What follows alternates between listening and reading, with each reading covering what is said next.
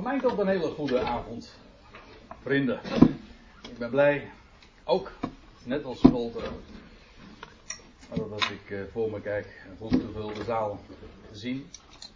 En ik ben ook blij, nog veel blijer, dat we een heel goed en rijk gevuld woord hebben. Een licht op ons pad, een lamp voor onze voet en ook een licht, hoe staat het er? Een helder licht dat schijnt in een donkere of in een smoeselige plaats.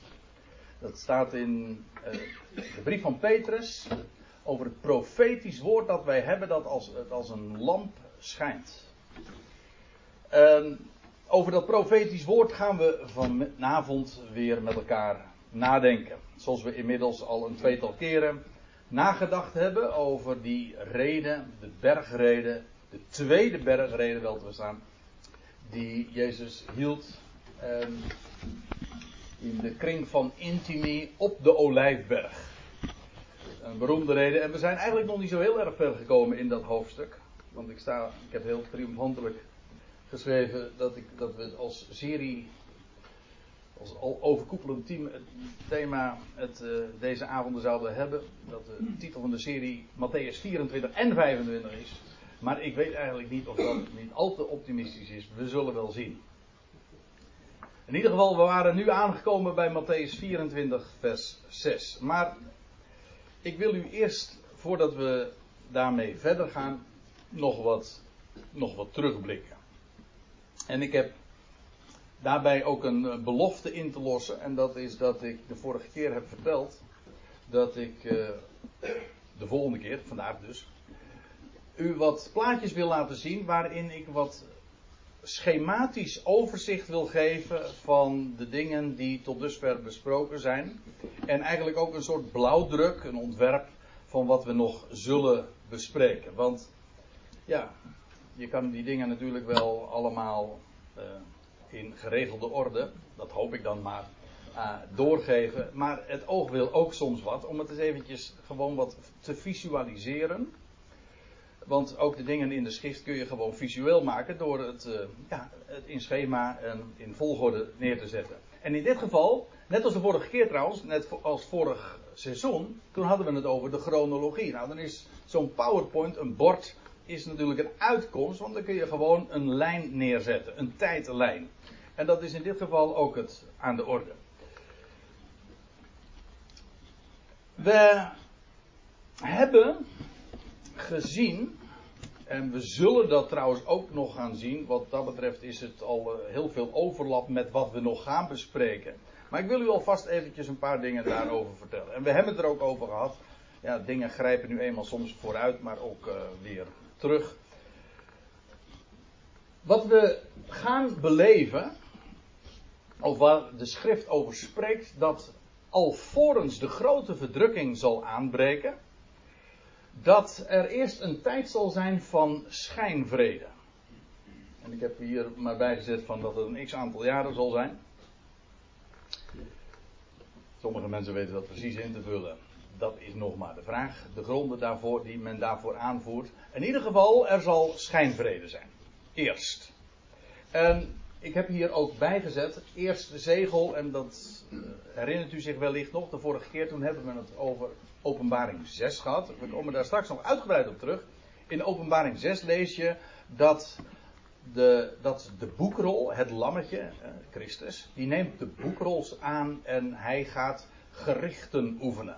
Hij neemt die boekrol, dat is eigenlijk de, de, het eigendomsrecht, de, de akte van het eigendom van deze wereld. En hij neemt die, dat boek aan, die boekrol aan, en hij gaat die boekrol ook openen. Um, de eerste zegel die geopend wordt is dan de beschrijving van een wit paard. U ziet dat misschien nog. Nou ja, die andere tekeningen zijn misschien iets duidelijker. Een wit paard is wat lastig uit te beelden op een, uh, met een witte achtergrond natuurlijk. Maar in ieder geval, je leest dan een, de prins op het witte paard. Maar het is een schijnprins. Dat wil zeggen, uh, hij lijkt op de Messias die ooit zal komen. Maar hij is een prefiguratie, maar dan wel een hele. Sorry, het is een beetje een rare beeldspraak, maar nu. Uh, een duistere. Uh, exemplaar ervan. Ondanks het feit dat hij uh, op een wit paard zit. Hij zal schijnvrede gaan vestigen. Die periode van vrede zal aflopen. En vandaar ook dus dat het een periode van schijnvrede is. Men zal denken dat het uh, het Messiaanse Rijk is. Hij zal ook Messiaanse claims hebben.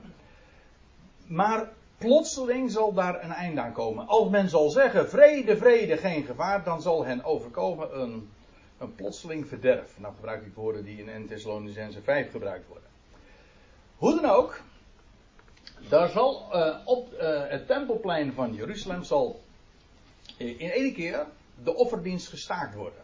Wat interessant is natuurlijk, want daarmee is verondersteld dat alvorens die offerdienst gestaakt kan worden, dat eerst die offerdienst weer moet beginnen. Daar is van nog geen sprake van tot op de dag van vandaag, maar de schrift is er volstrekt helder in. En de Joden die, uh, die weten dat ook maar al te goed. Dat die uh, periode gaat komen. En ze zijn er ook al volledig op voorbereid. Er, er gaat of die tempel weer helemaal gerestaureerd zal worden, dat is nog maar de vraag. Maar in ieder geval, de offerdienst zal hervat worden. En die offerdienst zal plotseling gestaakt worden. En in plaats van dat daar op het tempelplein, daar in Jeruzalem, die Joodse offerdienst is, zal daar een gruwel, dat wil zeggen een afgodsbeeld geplaatst worden. En men zal een, er zal ook eh, dwang zijn om dat afgodsbeeld te aanbidden. Godsdienstige eer daaraan toe te kennen. Dat is het begin van een periode die in de Bijbel heel nauwkeurig wordt bepaald. 42 maanden. Of 3,5 jaar. Of tijd, tijden, halve tijd.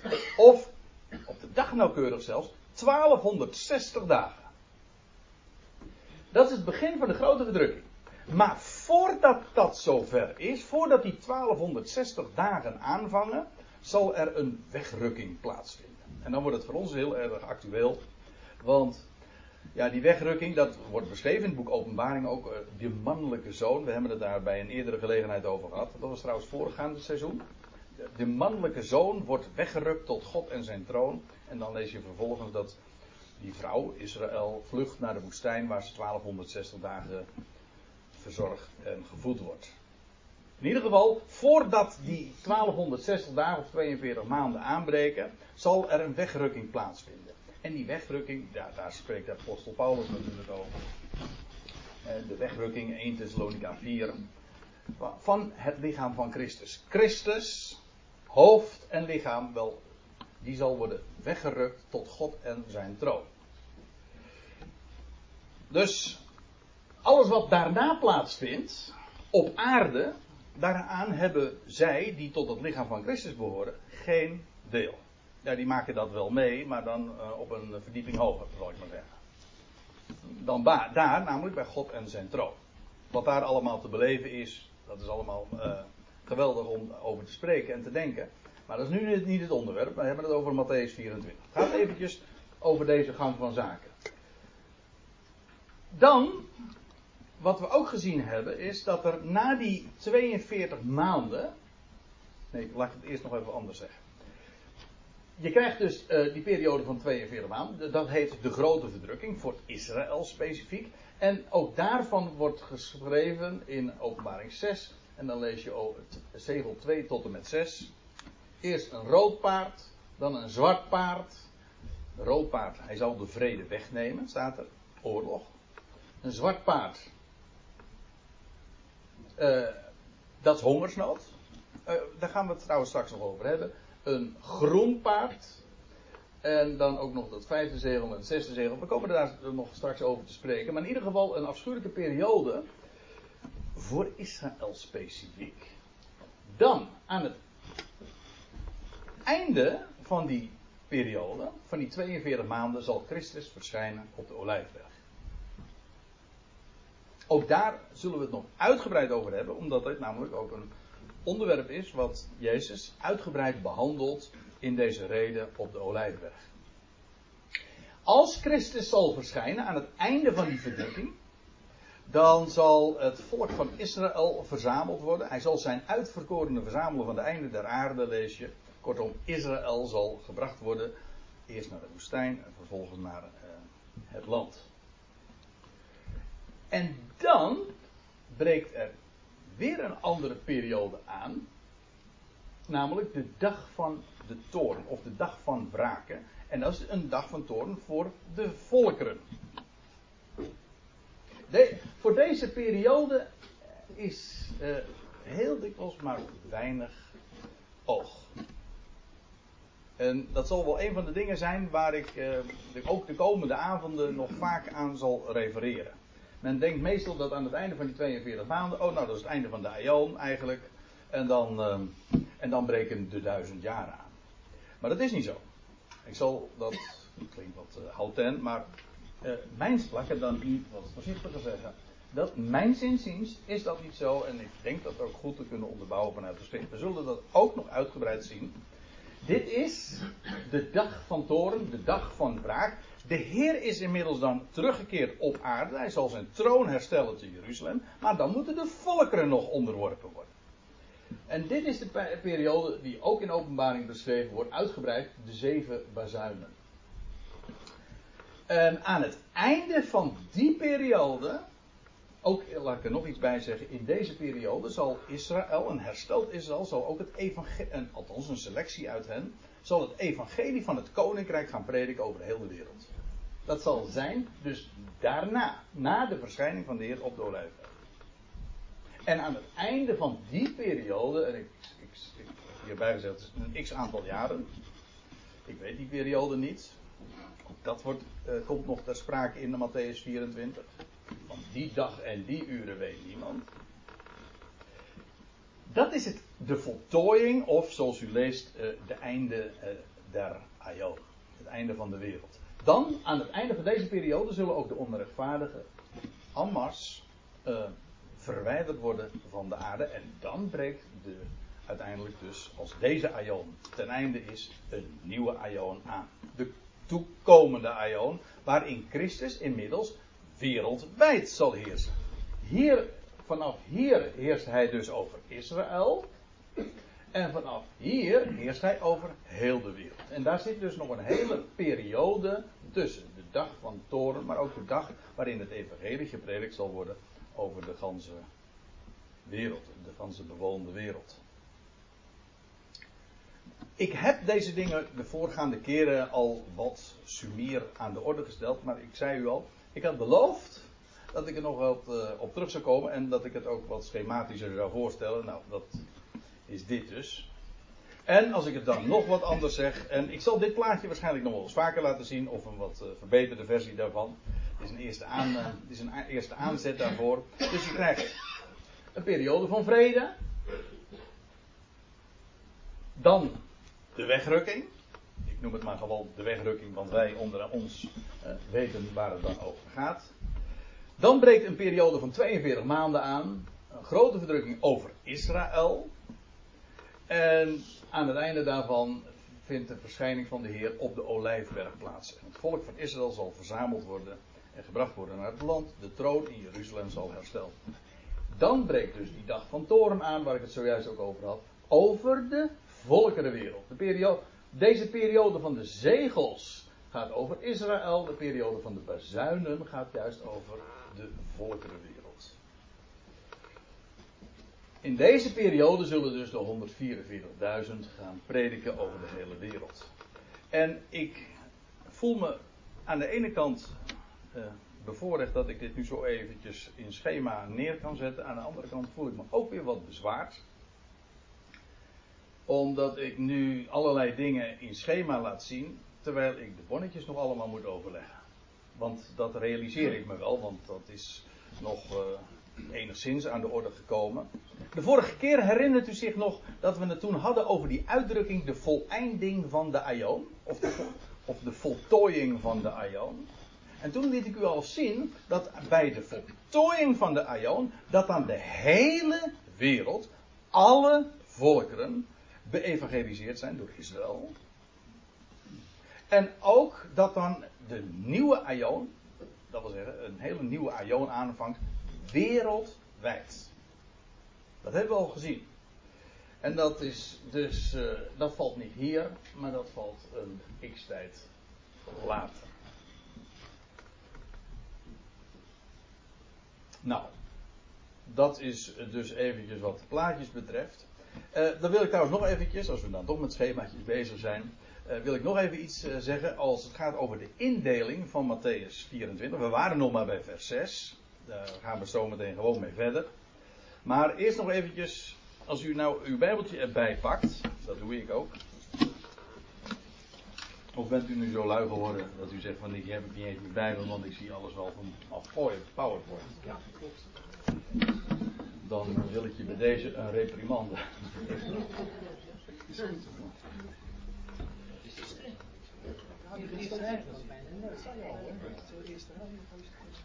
Maar goed. De eerste 14 versen. Trouwens, in mijn Bijbeltje zie ik dat uh, ook uh, gewoon uh, grafisch uitgebeeld. We zeggen, dan begint weer een hele nieuwe alinea. De eerste 14 versen, dat is een algemene beschrijving van de tijd die uitloopt tot de voltooiing van de Aion. En in uw, onze Bijbels staat er dan de voleinding der wereld. Maar u hebt daar natuurlijk inmiddels al lang een aantekening van gemaakt in uw, in uw Bijbeltje. Dat, dat, er, geen wereld staat, maar de voltooiing van de Aion. Niet de wereld wordt voleindigd, maar een tijdperk wordt gecompleteerd of voltooid. En het eind. Er wordt gevraagd, hè? De discipelen kwamen bij Jezus privé. Dit was een privé private gebeuren. Dus, eh, want Jezus zou zich aan publiek niet meer vertonen, niet meer aan publiek optreden. En dan zegt hij, eh, of nee, dan komen ze bij hem met de vraag: eh, wat is het teken van uw komst? En, eh, en van de voltooiing van de Aion, van deze Aion. Nou, dan gaat hij in het eerste gedeelte, tot en met vers 14, daarop in. Een algemene beschrijving. En dat eindigt dan inderdaad bij de voltooiing van de Aion. Want kijkt u maar even met me mee. Dan staat er in vers 14. En dit evangelie van het koninkrijk zal in de hele wereld gepredikt worden tot een getuigenis voor alle volkeren. En dan zal het einde te komen zijn. Van wat? Nou, van de Aion, want daar vroegen ze naar. Dan, vanaf vers 15 breekt er een, oh, krijg je een nieuwe alinea. En dat gaat door tot en met vers 31. En dat is een beschrijving die begint bij de oprichting van de gruwel van de verwoesting. Nou ja, ik lees het maar met me mee. Wanneer ga je dan de gruwel van de verwoesting, waarvan door de profeet Daniel gesproken is, op de heilige plaats die staan? Lees even erachter. Nou, enzovoort, enzovoort. En dat eindigt dan met de verschijning van de zoon mensen, vers 30. Dan zullen zij het teken van de zoon mensen zien verschijnen aan de hemel. En dan zullen alle stammen van het land hem zien komen in grote macht en heerlijkheid.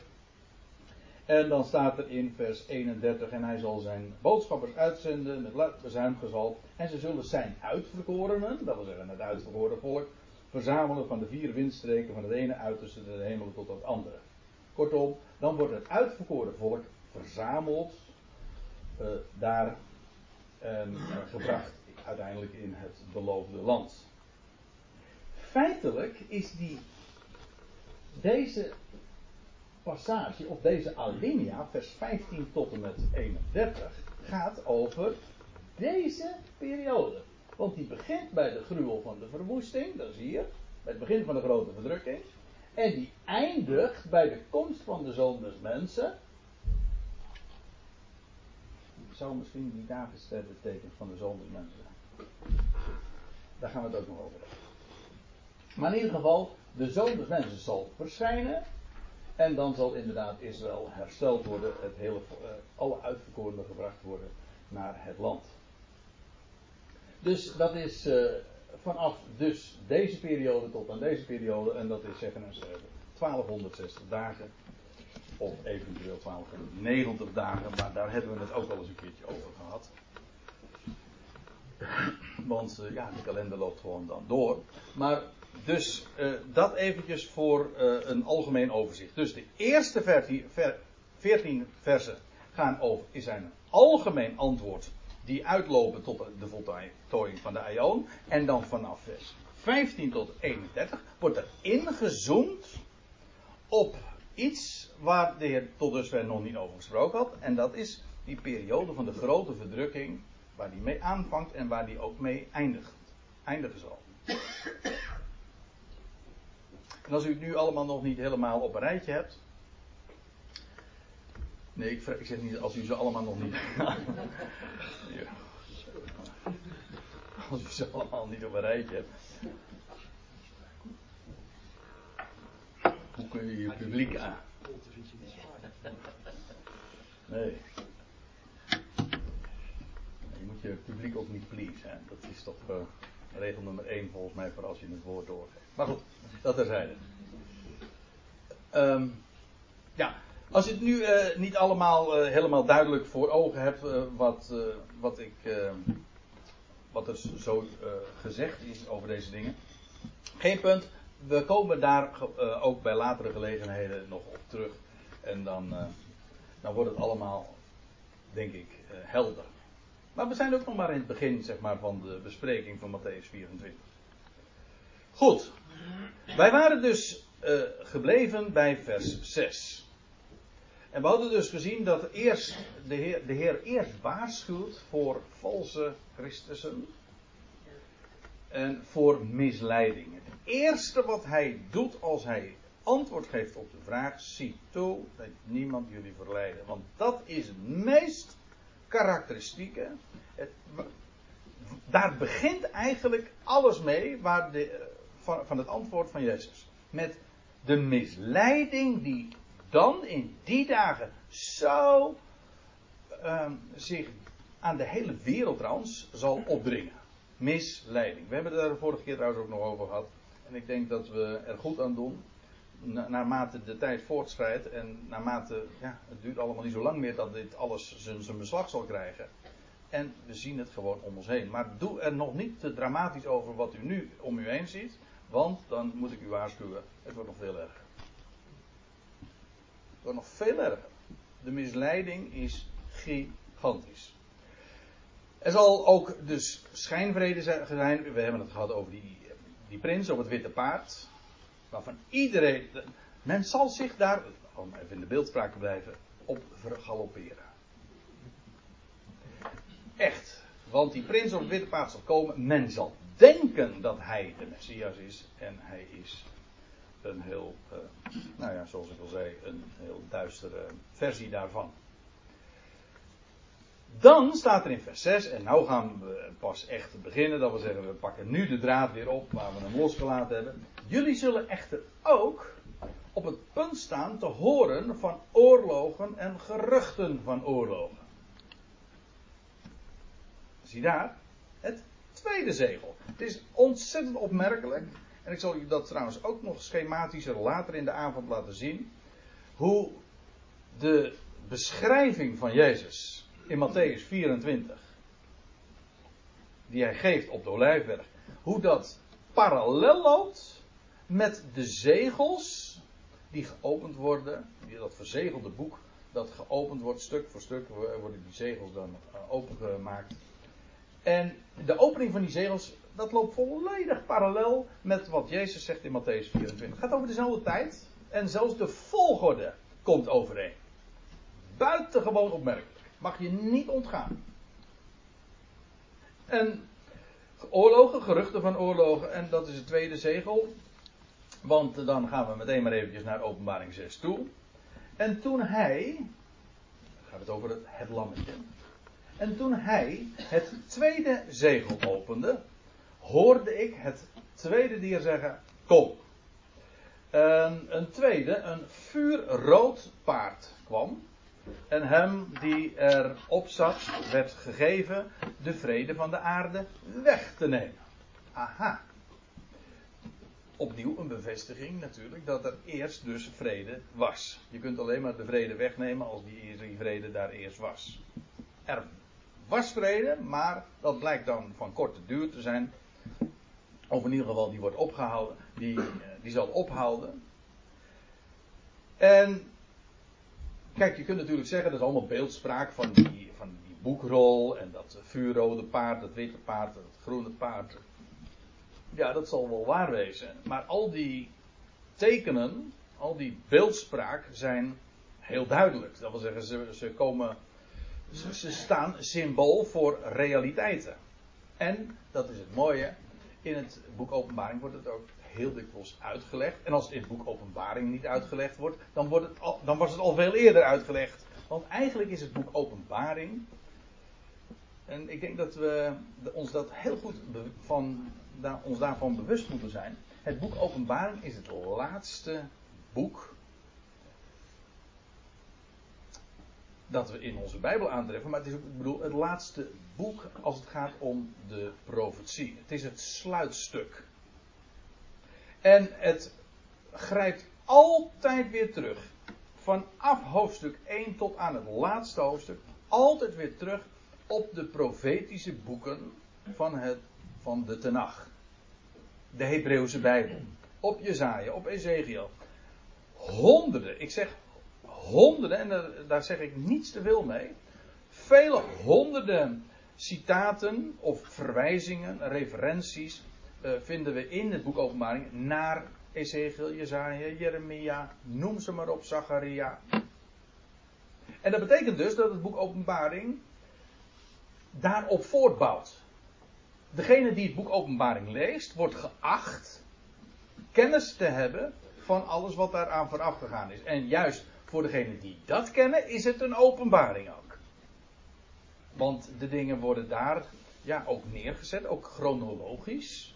Ook bijvoorbeeld die volgorde van de, van de zegels die geopend worden en vervolgens de bazuinen die geblazen worden. Dat is allemaal in geregelde orde. En ze bevestigen het profetische woord. Dat, vind ik, dat is geweldig, hè? Het profetische woord, dat is een. Uh, ja, dat is, dat, zijn gewoon dat is een legpuzzel. Dat zijn allemaal stukjes en wat blijkt. Uh, dat is goddelijk uh, geregisseerd. Al die stukjes die horen bij elkaar en ze laten één panorama zien. Dat is trouwens, wat, als u mij vraagt, het mooiste, het beste, goddelijke bewijs ook van de schriften. De schriften bewijzen zichzelf omdat al die schriften, boeken, uit zo uiteenlopende tijden en van uiteenlopende auteurs, dat ze allemaal een eenheid vormen. Dat is een wonder. Dat is een regelrecht godswonder. En dat het een het ander uitlegt en, en toelicht. Het een kan ook niet zonder het ander. Vandaar ook dat je schrift met schrift moet vergelijken. Enfin. Uh, dat uh, vuurrode paard dus. Dat kwam en die erop zat. Die werd gegeven de vrede van de aarde weg te nemen. En dat zij elkaar zouden slachten. Moet je je voorstellen. En hem werd een groot zwaard gegeven. Dat wil zeggen degene die daarop zat. Dus één ding moet wel duidelijk zijn. Dat tweede paard dat staat, dat representeert oorlog. En wel oorlog in contrast met de periode van vrede die eraan vooraf ging. Want die vrede wordt juist van de aarde weggenomen.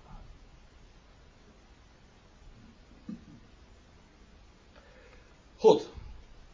En, zegt de Heer dan, want nou gaan we weer even terug naar Matthäus 24. Jullie zullen ook echter op het punt staan te horen van oorlogen en geruchten van oorlogen. Zit, is niet gealarmeerd, het moet geschieden. Het moet geschieden. Maar hoezo het moet? Wel, deze dingen zijn voorzegd. En als God iets voorzegt, dan gebeurt het. Het is eigenlijk niet zozeer het gebeurt omdat het voorzegd is. Maar het is voorzegd omdat het, omdat het gebeurt. Nou, dat is een beetje filosofisch wat ik nu zeg, maar. ja, God heeft. Nee, ik bedoel, ik bedoel het zo. God. Eh, hoe, hoe staat het in de schrift? Die het heden kent, de toekomst overziet. Hij heeft de dingen al zien gebeuren. En daarom kon hij ze dus voorzeggen. Begrijpt u? Dus het is dus niet zo van het moet. Ja, goh, je, kan, ik, je kan het van twee kanten benaderen, dat weet ik. Maar uh, ga, ga even met mij mee in deze gedachte. God heeft de dingen gezien in de toekomst. En trouwens, God, uh, ook Johannes. Johannes is ook, je leest in openbaring 1, hij werd geplaatst in de dag des Heren. Dat wil zeggen, hij heeft gewoon een tijdreis gemaakt. Zo zouden wij dat dan formuleren. Hij bevond zich zeg maar in de eerste eeuw en hij werd geplaatst in de dag des Heren. En toen hebben, heeft men uitgevonden dat, dat Johannes dit visioen kreeg op een zondag. Ja. Waar trouwens nog een misverstand aan vast zit, namelijk dat de zondag de dag des Heren zou zijn. En ook dat klopt dan niet, maar goed. Ja. Maar dat is niet. Johannes werd geplaatst in de. Hij, zat, hij was in de dag des Heren. En hij heeft dat allemaal gezien. Hij is dus in de toekomst geweest. Ja, dat is echt science fiction. Nee, ja, wel science, maar geen fiction. Maar wel, wel, eh, ja, dat is echt futuristisch. Hij, hij heeft dus die dingen gezien. En dus omdat hij het gezien heeft, hij, kon hij het gewoon noteren. En dan moet, nou zeggen wij achteraf van ja, het moet gebeuren omdat het voorzegd is. Maar je kunt natuurlijk net zo goed, laat ik het dan zo zeggen, je kunt net zo goed omkeren. Het is, het, hij heeft gezien dat het gebeurd is. En daarom, en daarom is het opgeschreven. Ziet, wees niet gealarmeerd, want het moet geschieden. Maar het einde is het nog niet. Wij zeggen dan, dat is de eindtijd. Nee, het einde is het nog niet. Trouwens, over het einde, dan gaat het over het einde van de Aion. Daar gaat het over. Daar, was, daar ging de vraag al over, de voltooiing. En het einde wordt die, dat woord vinden we in 24 vers 14. Al eerder uh, in mijn terugblik wees ik daar even op. Met andere woorden, als deze dingen gebeuren, hè, van dat tweede zegel, de geruchten van oorlog, oorlogen, wegnemen van de, van de vrede, het einde is het nog niet. Er moet nog veel meer gebeuren. Want staat er, natie zal opgewekt worden tegen natie en koninkrijk tegen koninkrijk. En dat vind je mooi. Um, want uh, er staat eigenlijk niet in, in de actieve vorm, er staat in onze vertaling zal opstaan tegen. Dus dan zijn het die koninkrijken die opstaan tegen elkaar, maar het, er staat letterlijk, ze zullen opgewekt worden. Eigenlijk is het dus, dus passief. Dat wordt in de leidende vorm. Natieën en koninkrijken, die zijn zelf een speelbal. Ze zullen opgewekt worden tegen elkaar. Dat is, een verschil, hè? Die koninkrijken en die natieën die, die, die denken wellicht eigenmachtig te optreden, op te treden en, en het op te nemen tegen elkaar. Maar in werkelijkheid worden zij gewoon ook opgewekt tegen elkaar. Ze zijn zelf ook een speelbal. Ze zijn zelf ook. Um, hoe zeg je dat? Ja, ze kunnen niet anders. Uh, ze zijn daarin, eh, en trouwens dat geldt eh, voor het eh, hele wereldgebeuren. Ik, ik, kom wel eens een keertje op websites waarin dan verteld wordt over, het, over, over alles in de, in de wereld. en vooral ook de, de complotten die daarachter zouden gesmeed zouden, zouden worden. Waar ik trouwens helemaal in geloof.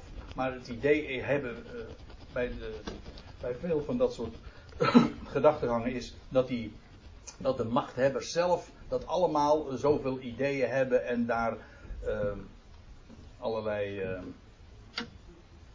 uh, plannen zouden beramen en dat alles doorgestoken kaart is, dat die wereldleiders zelf dat allemaal plannen. Maar in werkelijkheid zijn die wereldleiders zelf ook gewoon het voorwerp van.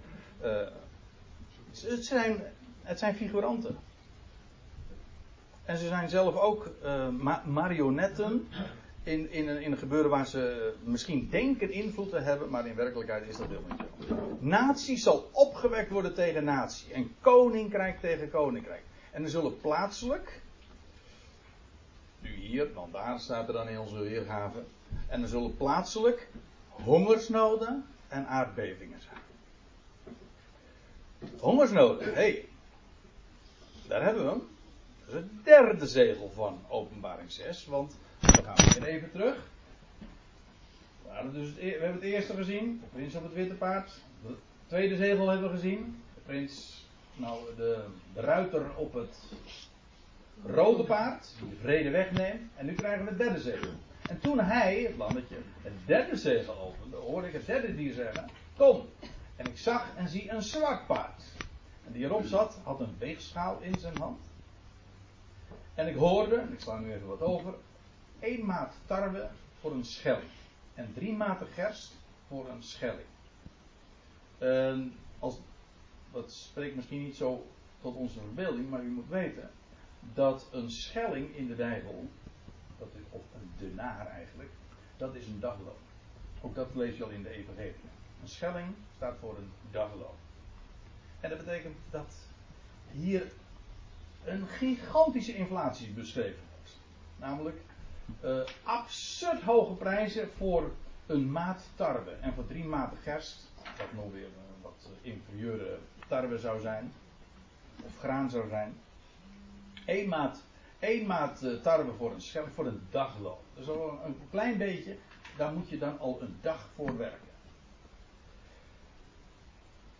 Met andere woorden, het, dat, dat spreekt van een gigantische schaarste van tarwe en van gerst. Oftewel, precies waar de Heer Jezus in Matthäus 24 over had, hongersnood. En er, zullen plaatselijk hongersnoden zijn. En dan wil ik er nog iets bij zeggen. En, want er staat er, en pestilentiën, ja, en pestziekten. Uh, die is wat lastiger, omdat dit niet in alle handschriften staat, in de Textus Receptors. Als u een statenverdaling hebt, dan ziet u hier pestilentiën bij staan. Heeft er iemand een statenverdaling? Want dan wil ik graag een bevestiging hebben. Dat klopt, ja. Dus dat, dat heeft trouwens heeft niks te maken met de vertaling, dat heeft te maken met. Het is een handschriftelijke kwestie.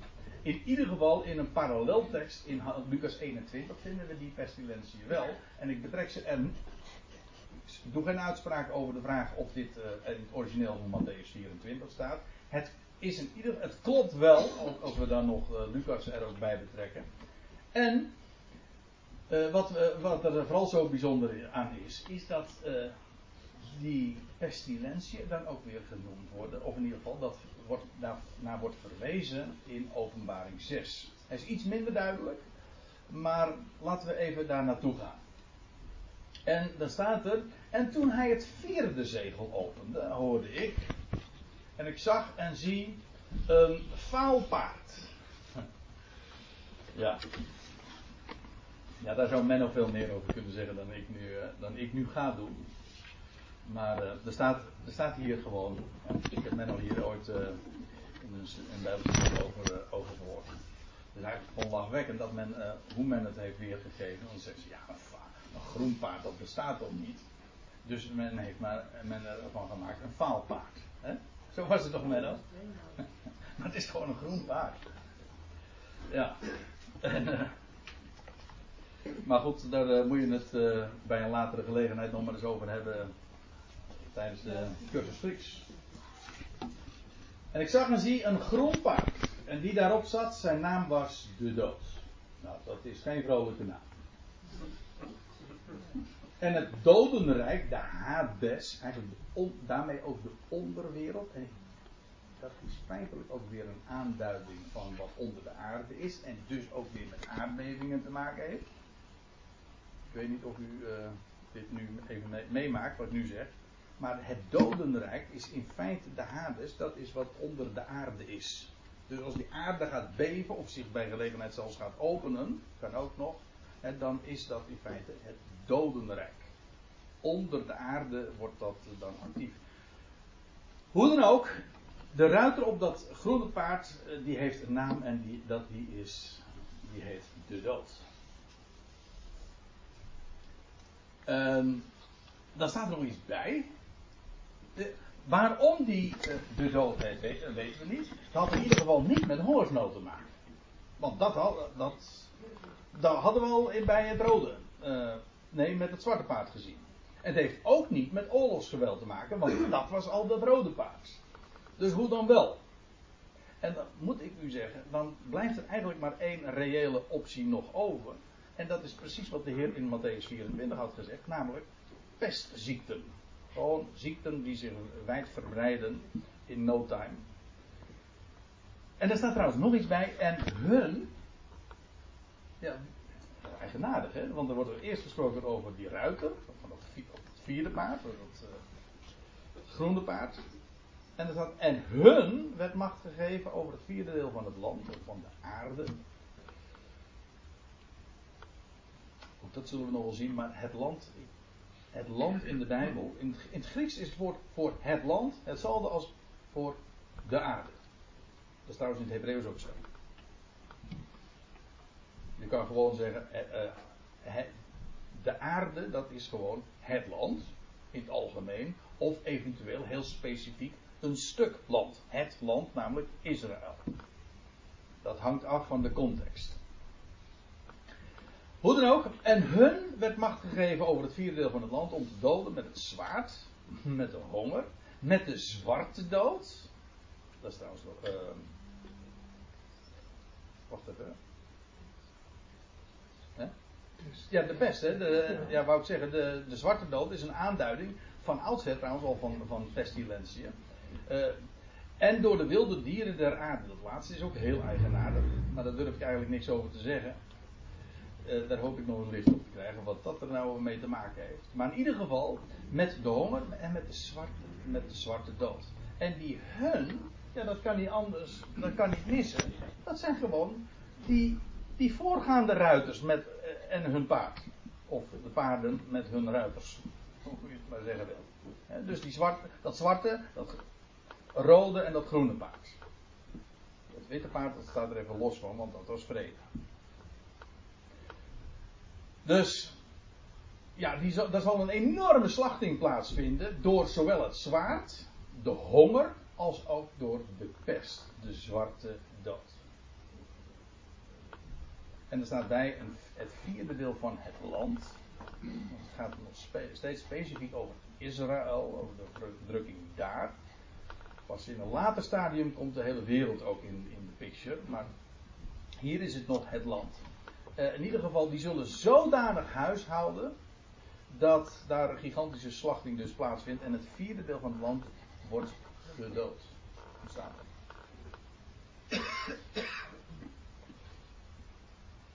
Kijk, we doen nu tekstanalyse. Hè? Dat wil zeggen, we, we, kijken wat staat er nou. En we, met grote eerbied openen we de schrift en we vergelijken woord met woord.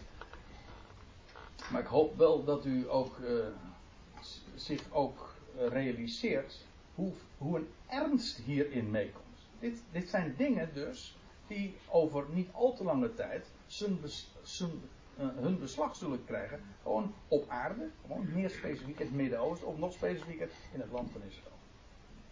Dat gaat er allemaal gebeuren. Dat zeg ik niet om zwartgallig te doen, maar het is wel de realiteit. Men zegt wel eens een keertje van jullie praten alleen maar over blijde dingen. Maar daar praat ik heel graag over. Eigenlijk vind ik dat ook niet eens echt een verwijten. Nee toch? Je praat over God. En trouwens, ook als we het, laten we wel lezen, ook als we het over Matthäus 24 hebben, dat is een blijde boodschap. Het zijn geboorteweeën. We komen er straks nog over te spreken.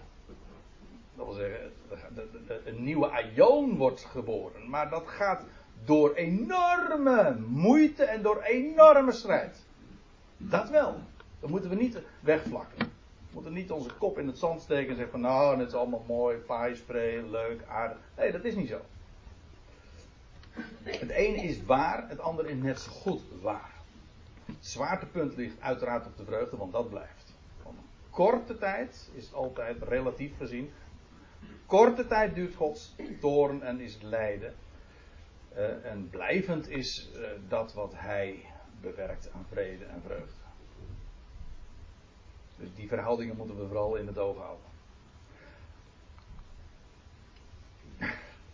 Ik wist niet dat het nu al kwam, maar uh, daar hebben we het dus over. Al deze dingen echter zijn een begin van barensweeën. Dus al die verschrikkingen waar we het over hebben, en het is verschrikkelijk. Je leest tekst, maar op het moment dat je dat allemaal uh, ook. Je, je, sluit je ogen en je, je, laat het op je inwerken wat het werkelijk allemaal betekent. Hè. Stel je voor, uh, je, je, opent de krant in die dagen. En, en, je ziet dan deze dingen dan allemaal beschreven. je kunt je de krantenkoppen gewoon zo voorstellen. Van wat er dan, uh, wat er dan in, uh, in Jediot Agranot staat. Hè? Ja, nou, dat is een krant in Israël, ja.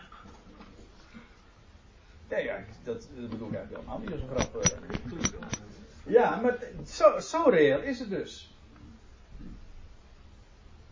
En dan zegt de Heer, dit is verschrikkelijk. Al deze dingen zijn een begin van barenswee. Het is dus nog niet het, geheel, het is nog maar het begin. je moet ook niet denken dat dit het einde is, het einde van de Aion, dat, dat duurt nog een heel tijdje. Maar vooral dit, het feit dat het barensweeën genoemd wordt, dat is nu juist de hoop die er in mee en in doorklimt. Het zijn barensweeën. Er is nieuw leven, er is een hele nieuwe wereld uh, op komst en die wordt geboren. Maar dat gaat niet zonder slag of stoot. Ik denk dat we er verstandig aan doen dat we eerst eventjes gaan pauzeren. En dan gaan we straks bij vers 9 verder.